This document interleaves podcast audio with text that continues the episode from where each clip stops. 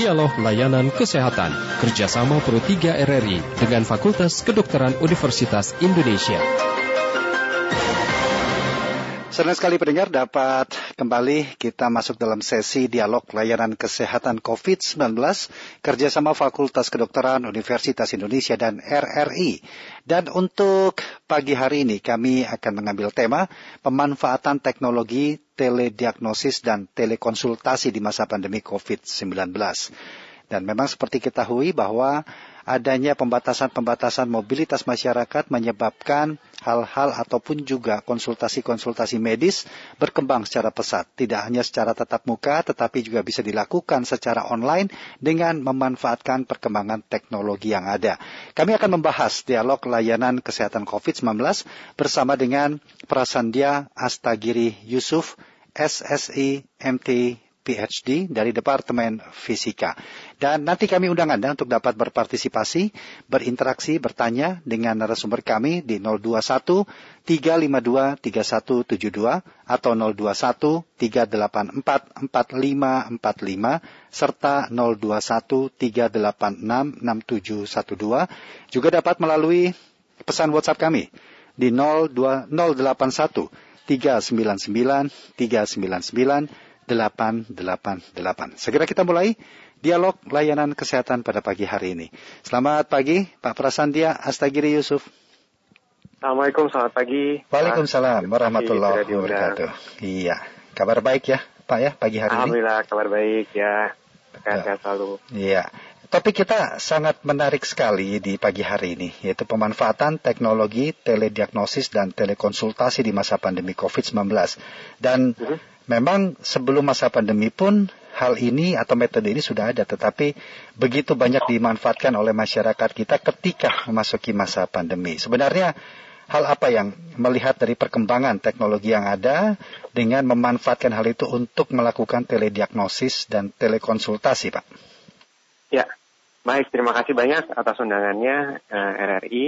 Uh, eh, jadi memang ini topik yang sangat uh, menarik karena lagi in ya Eh, kita dipaksa untuk berubah dari yang biasa tatap muka semuanya jadi uh, online berbasis daring hmm. baik dari uh, pembelajaran bahkan sampai ke uh, konsultasi dengan dokter dan uh, apa kita sudah disokong juga dengan berbagai teknologi teknologi aplikasi uh, smartphone lalu juga aplikasi uh, teknologi untuk uh, cloud computing, cloud storage yang juga banyak dari uh, berbagai provider ya dari Google, uh, Amazon, uh, Microsoft dan seterusnya banyak lagi yang lain itu sudah uh, sangat mendukung untuk uh, dilancarkannya teknologi telekonsultasi ini.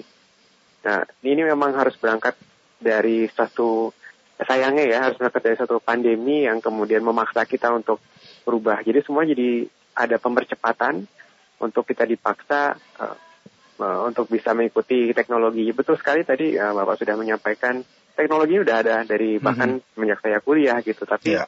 belum banyak digunakan. Kenapa? Karena orang masih bisa ketemu tatap muka. Sekarang dipaksa untuk berubah harus dengan telekonsultasi supaya uh, tidak terpapar uh, COVID-19 ini yang mutasinya terus terusan ya kita nggak tahu nanti ada varian apa lagi. Mm-hmm. Sehingga kita harus tetap mengikuti protokol kesehatan.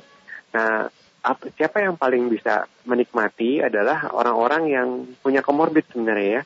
Karena uh, mereka ini kalau uh, biasanya orang-orang sudah lansia, kita ambil contoh ya, uh, mereka punya penyakit yang biasanya entah hipertensi, diabetes atau yang lain gitu, yang butuh ketemu dokter secara rutin. Hmm.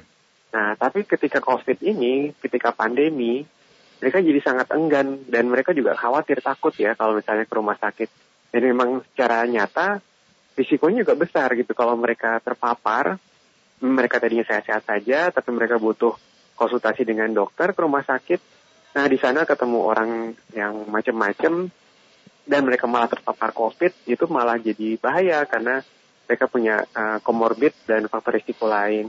Ya. Nah, ini yang kemudian penting sekali orang-orang uh, seperti orang lansia ini yang tetap harus bisa ada konsultasi dengan dokter secara jarak jauh untuk bisa memantau kondisi penyakit kronisnya tanpa harus uh, dihadapi dengan resiko besar terpapar COVID-19. Ya. Seperti itu, Pak. Ya. Dan sebenarnya ya. sebelum masa pandemi pun itu sudah ada, bahkan tidak hanya melalui uh, layanan atau jaringan internet, tetapi dari radio, telepon, ya, telepon betul, itu, betul, itu sudah betul sudah ada sekali. televisi, ya. kemudian ya. mungkin media cetak pun juga seperti itu melakukan. Tetapi itulah yang awal-awal terlebih dahulu munculnya uh, telekomunikasi jarak jauh dengan masalah konsultasi kesehatan. Nah, dengan berkembangnya zaman kemudian secara mendadak masyarakat dipaksa untuk uh, berubah perilaku termasuk dalam uh, konsultasi kesehatan. Bagaimana Anda melihat adaptasi masyarakat kita terhadap hal-hal uh, atau perkembangan teknologi yang baru ini? Ya. Ini sekali lagi namanya istilahnya forced disruption ya. Orang yang siap nggak siap harus mau berubah gitu untuk untuk bisa mengikuti mm-hmm. uh, perkembangan ini. Jadi uh, tidak hanya pasien, dokter juga tadinya sangat enggan ya untuk bisa menggunakan teknologi-teknologi uh, canggih untuk membantu telekonsultasi. Tapi ya sekarang uh, dokter juga uh, orang yang sangat beresiko atau nakes yang lain ya sangat beresiko terpapar COVID karena pasiennya berganti-ganti terus dan kita nggak pernah tahu siapa yang terpapar siapa yang enggak gitu ya. Yeah. Nah jadi uh, dengan uh, sekali lagi dengan adanya kondisi pandemi ini semua jadi harus siap. Nah, memang untuk yang uh, sudah uh, mungkin usianya lanjut gitu, itu butuh pendampingan ya, mm-hmm. baik pasiennya maupun dokternya mm-hmm. gitu. Mm-hmm. Tapi di rumah sakit saya lihat, nah kami di FKUI paling dekat ke RSCM dan RSUI ya, mm-hmm. keduanya sudah menggunakan layanan telekonsultasi.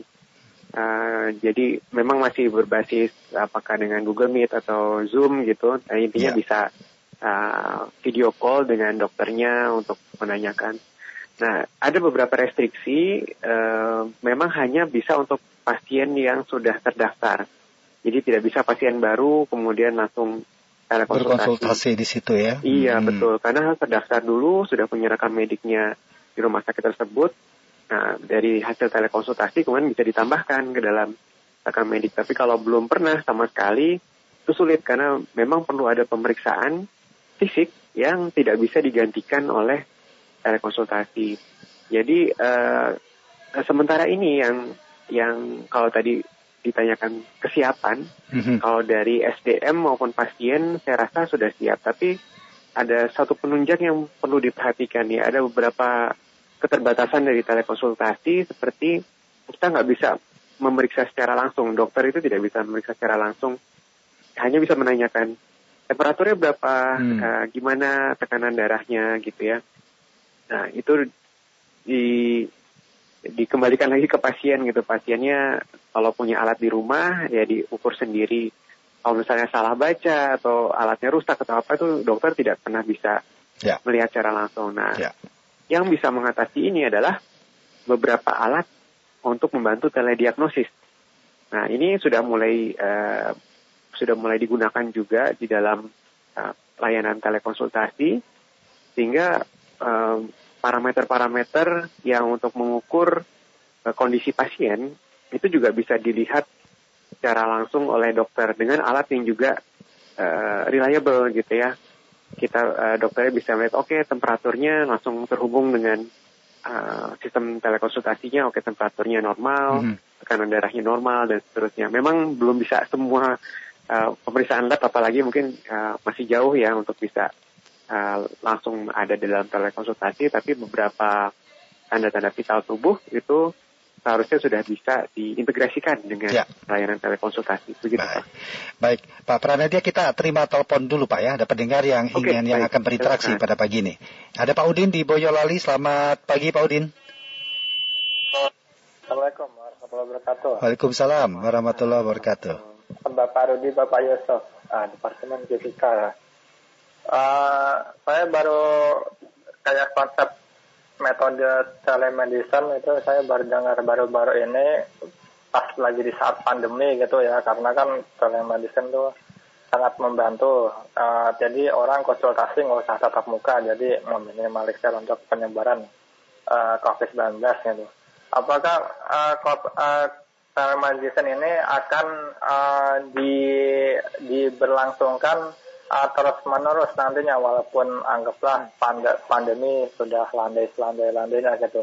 Saya anggap begini orang lebih nyaman zaman teknologi sekarang berkonsultasi lewat media daripada tatap muka hmm. muka gitu tatap muka kan uh, ribet terus gini gini gitu gitu gitu demikian terima kasih wassalamualaikum Waalaikumsalam warahmatullahi wabarakatuh silakan Pak Pranadia ya. Ya baik, terima kasih. Ini pertanyaan yang menarik ya. ya. Tadi saya sebutkan ada force disruption, kita dipaksa untuk berubah. Nah setelah berubah apakah hanya pas pandemi aja? Kayaknya enggak ya. Pasti ini akan menjadi satu sistem yang malah nanti akan diperkuat dengan peraturan-peraturan pemerintah dan hmm. juga infrastruktur yang semakin diperkuat baik dari sisi teknologi IT-nya, dari softwarenya dan seterusnya untuk mendukung ini supaya lebih baik lagi ke depan. Rumah ya. sakit pun saya rasa akan ada efisiensi yang besar dengan ada ini ya. Uh, mungkin tidak perlu semuanya harus tatap muka dan seterusnya. Uh, dan uh, dengan alat-alat penunjang yang tadi saya sebutkan untuk diagnosis juga bisa membantu memantau pasien-pasien uh, yang uh, misalnya yang sudah apa home care gitu yang mm -hmm. yang sangat sulit untuk dibawa ke bolak balik rumah sakit itu bisa dipantau secara jarak jauh. Ya. Dan ya betul saya rasa ini akan berlanjut, bahkan teknologi juga akan lebih uh, terus membaik ya untuk hmm. yang di Indonesia. Ya. Tetapi kan uh, tidak semua mungkin keluhan ataupun penyakit yang mungkin akan sangat efektif jika dilakukan dengan ya, jarak jauh atau telemedicine. Ya, nah, betul. ya betul. itu menyiasatinya bagaimana agar tetap bisa dilakukan tetapi mendapatkan hasil yang ya paling tidak sebagai referensi bagi si pasien itu sendiri, Pak. Baik, kami di UI sedang ada penelitian, uh, ketuanya adalah Dr. Erik Daniel Tenda, peny uh, spesialis penyakit dalam, untuk membuat uh, sistem telemedicine yang dicoba diuji cobakan di RSUI. Nah, untuk membuat uh, sistem ini, kami melakukan suatu uh, for, uh, apa, fokus group discussion ya, mengundang dokter-dokter dengan berbagai macam spesialisasi. Jadi kan kita uh, berangkat dari nggak semuanya loh ternyata bisa dilakukan telekonsultasi ada beberapa yang harus tetap muka langsung gitu ya walaupun bagaimanapun kondisinya harus pasien datang langsung. Tapi memang ada beberapa yang bisa dioptimalkan. Uh, misalnya teknologinya belum beberapa belum mampu laksana tapi ke depan bisa ditambah misalnya dengan uh, contoh ya pak misalnya penyakit kulit gitu. Uh, ada dokter yang harus lihat langsung gitu kondisinya seperti apa karena uh, teknologi misalnya foto dari kamera HP-nya kurang bagus atau pencahayaan kurang bagus sehingga uh, tidak bisa didiagnosis dengan sempurna gitu nanti yeah. malah salah obat dan seterusnya gitu. Nah ini dengan teknologi yang makin canggih disematkan suatu kamera yang bisa melihat uh, kulit dengan lebih detail itu nanti bisa tetap dioptimalkan diagnosis hmm. itu baru satu spesialisasi kulit. Ya. Ada banyak lagi yang lain untuk uh, apa untuk uh, kesehatan jiwa itu uh, atau uh, psikiatri ya itu juga bisa dioptimalkan. -hmm. uh, kalau mungkin hanya melalui telepon tanpa tatap muka itu rasanya kurang bisa lepas gitu untuk um, menyampaikan keluhan-keluhan ini dengan video call, mm-hmm. kemudian bisa bisa lebih baik lagi video call yang bebas lag ya. Nah itu kan teknologi juga di sana.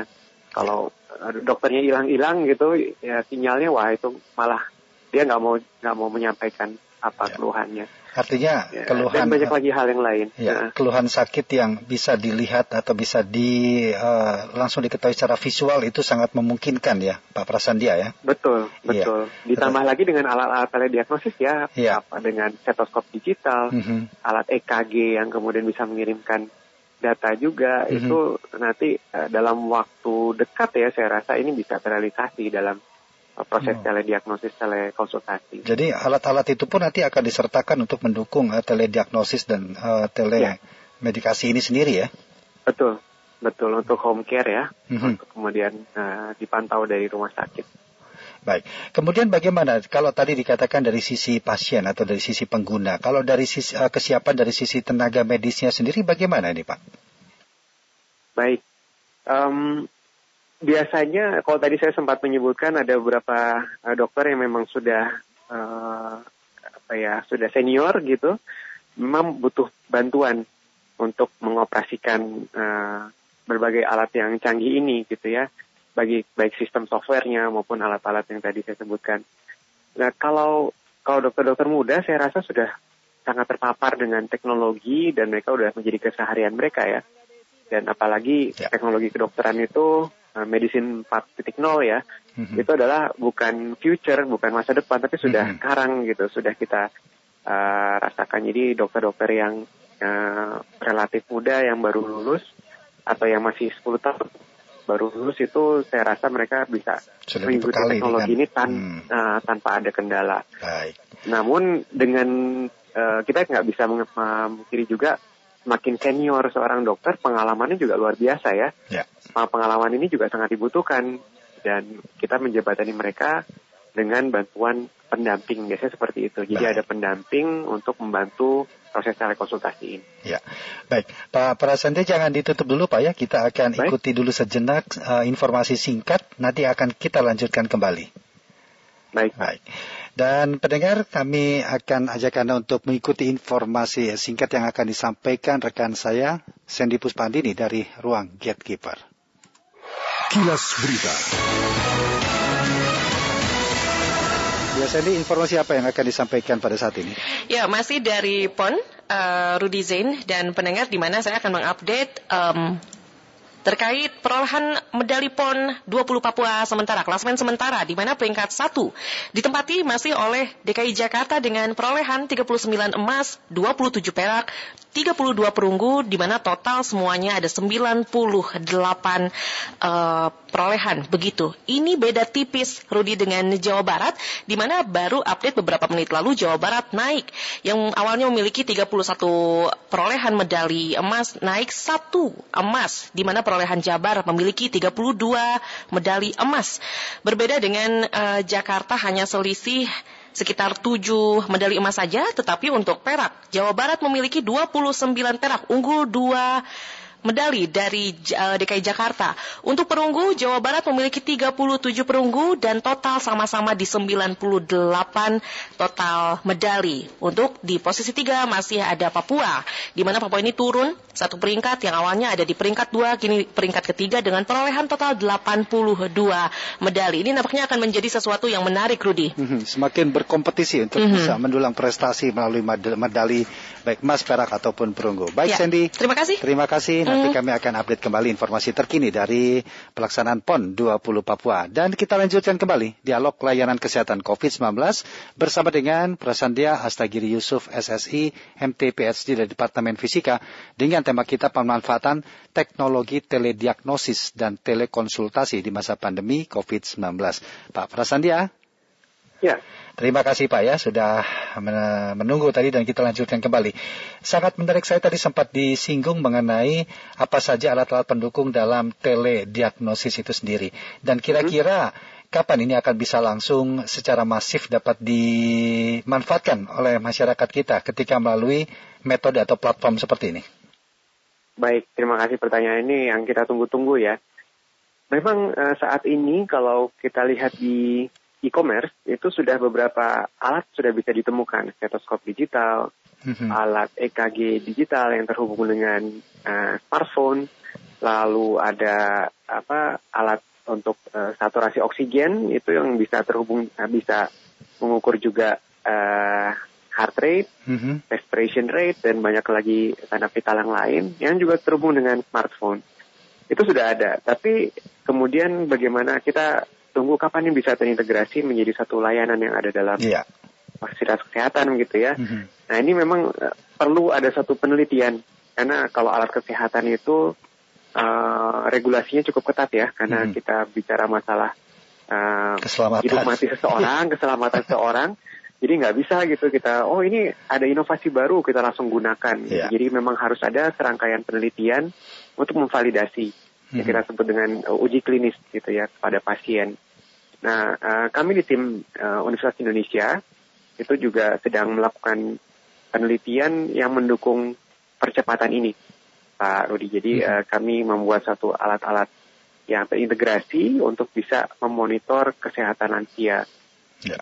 Di sana ada alat EKG digital, ada alat uh, saturasi oksigen dan juga stetoskop digital untuk memantau kesehatan lansia dari jauh. Nah ini memang butuh ada tadi ya uh, uji laboratorium, hmm. lalu kemudian uji klinis, lalu didaftarkan ke Kementerian Kesehatan dan seterusnya untuk kemudian mendapatkan registrasi untuk bisa di secara resmi uh, kan jaminan keamanan pasien itu uh, dijamin oleh uh, dibantu dijamin oleh Kementerian Kesehatan sebagai regulator ya. Nah, ketika sudah melakukan uh, izin edar dari alat kesehatan tersebut, baru uh, bisa dengan uh, confident kami mm -hmm tawarkan ke masyarakat seperti itu Pak. Ya. Kalau kita bicara kemajuan atau perkembangan teknologi telediagnosis dan telekonsultasi kan terlalu uh, sangat erat hubungannya dengan perkembangan uh, teknologi informasinya itu sendiri Pak Prasandia. Betul. Nah, hmm. uh, selain dari sisi alat-alat pendukung dan juga ide-ide atau yang besar tadi untuk bisa mempermudah proses seperti ini, bagaimana dengan sarana prasarana lain tentunya yang harus juga mendukung dengan keberhasilan berlangsungnya teknologi telediagnosis dan telekonsultasi ini?